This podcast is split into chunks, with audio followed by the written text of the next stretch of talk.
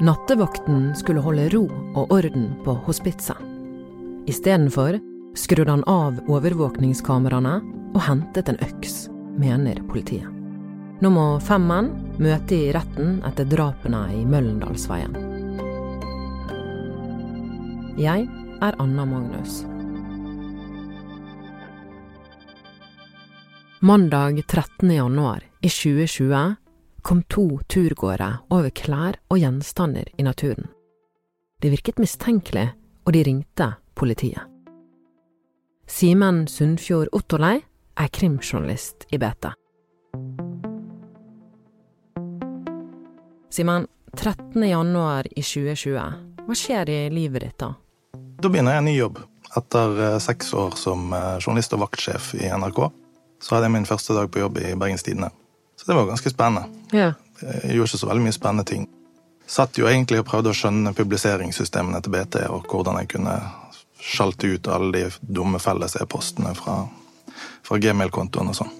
Så det var ganske kjedelig fram til sånn to-tre-tiden på ettermiddagen, der eh, det plutselig kom en eh, pressemelding fra politiet. Der de hadde funnet en død person eh, ved Gullfjellsvannet. Eller Osavatnet, heter det. Og da spurte min sjef meg om eh, jeg kunne tenke meg å dra ut dit. Jeg var jo ny, jeg kunne ikke si nei, så jeg sa, jeg sa ja. Så satte jeg meg i en bil sammen med fotograf Bård. Sammen kjører de i retning Underland, som er ca. 20 minutter kjøretur unna Bergen. De har fått beskjed om at det mistenkelige funnet er lokalisert ved Osavatnet. Det er et lengre vann som du passerer når du skal gå tur på Bergens høyeste fjell, Gullfjellet. Langs en av de mest populære turstiene i Bergen. Men vi kom jo ikke i nærheten av det vannet, fordi at politiet sto jo og sperret av veien et par kilometer nedenfor. Vi hadde ikke noe bilde av hvor åstedet var i det hele tatt, fordi at Osavatnet er jo langt og stort, så vi måtte egentlig bare basere oss på å gå rundt og snakke med de folkene som bodde i området der. For det sto en del av de i kø på nedsiden og ventet på å komme gjennom. Sant? Så det var jo å finne ut hvem dette kan dreie seg om, hva, hva type sak vi står overfor her. Er det en drapssak? Er det en turgåer som har fått uh, illebefinnende? Politiet dro opp dit, og det var bare en politipatrulje som var ute på oppdrag den dagen. Etter å ha sett disse gjenstandene som de ble tipset om. I et sånn bekkefar ned mot vannet der, så ligger det en presenning løfter på den og ser en død person. Det de gjør da, bare dekker presenningen over igjen, tilkaller forsterkninger. Når krimteknikerne da kommer fram og etter hvert begynner å fjerne denne presenningen som lå over den personen som var død, så ser de at det er en til person som ligger død under samme presenning. Og da skjønte jo vi, altså når politiet etter hvert eh, fortalte om dette, at ja, dette var ikke en turgåer som hadde falt om. Her er NRK Dagsnytt klokka 20. Politiet i Bergen har startet drapsetterforskning etter at en kvinne og en mann ble funnet døde i et turområde ved Osavatnet i ettermiddag. Ingen personer er så langt pågrepet i saken. Politiet mener Simen og Bård prøver å finne ut hva dette kan dreie seg om. Så kommer beskjeden om at politiet allerede samme kveld hadde pågrepet to menn. Og siktet dem for drap eller medvirkning til drap. Dagen etter kom det inn et tips.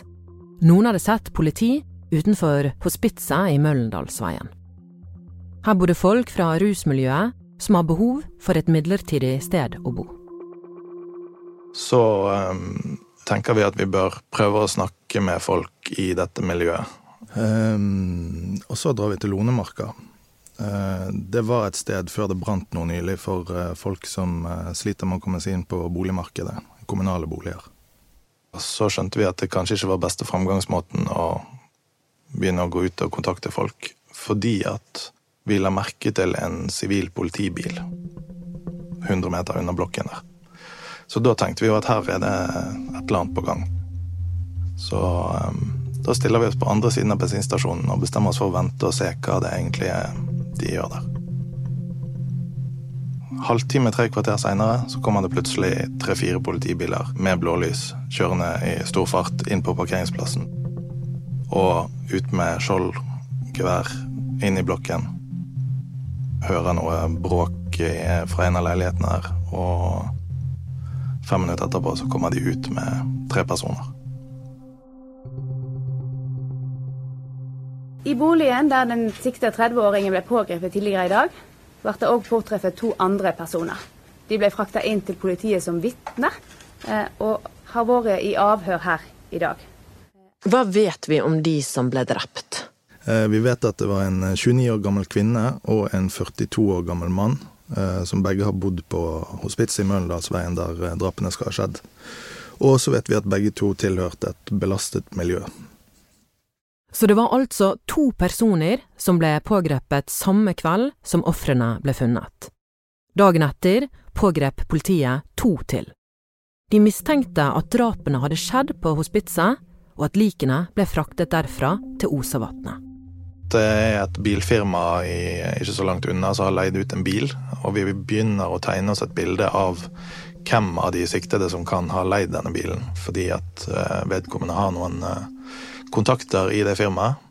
Så kom det en ny pågripelse på fredagen. Altså han som hadde vært på jobb for å passe på beboerne og holde ro og orden der den helgen eh, drapene skjedde. Det var den femte pågripelsen. Hva vet eh, vi om hvorfor politiet pågriper nattevakten? På dette tidspunktet så mener de at nattevakten har medvirket ved å fjerne bevis. Og med det så mener de at han enten har slått av overvåkingskameraene på hospitset når drapet, drapene skjedde, eller at eh, opptak har blitt slettet i ettertid. Simen tok helg. Da han kom på jobb på mandag, meldte politiet om en ny utvikling i saken. De hadde nemlig pågrepet en sjette mann med tilknytning til denne nattevakten. De sa også at de hadde mistanke om motivet for drapet. Status da var at det var fem stykker som ble siktet for drap eller medvirkning til drap, og så var det én som ble siktet for bevisfjerning. Eh, men det var veldig mange av de som nektet å si at de hadde noe med selve drapshandlingen å gjøre. Plutselig får politiet en tilståelse fra den eldste av de siktede. En av de som sitter fengslet, har sagt at han har eh, stått bak drapene. Og så er det jo da flere av de siktede som har erkjent å ha deltatt i forskjellige ting. Fem menn ble tiltalt. Tre for dobbeltdrap, to andre for å ha fjernet bevis. Det politiet mener har skjedd, og ifølge tiltalen, er at nattevakten på hospitset slo av overvåkingskameraet og hentet en øks og flere kniver. Så gikk han og en mann på 57 opp i tredje etasje, eh, og det var en 23-åring som skal ha holdt vakt utenfor døren mens eh, nattevakten låste opp. Eh, politiet mener det var 57-åringen og den nattevakten som sto bak drapene på på de to som var inne på rommet. Nøyaktig hva som skjedde inne på rommet, har ikke vi det fulle bildet av. Det får vi vel kanskje mer av i, i selve rettssaken. Men de døde i alle fall av forblødning og skader på luftveiene. Advokaten til nattevakten har sagt at han var i sjokk når tiltalen eh, kom tidligere i år. 57-åringen, han som tilsto under avhøret, den 23 år gamle mannen og nattevakten er tiltalt for drap.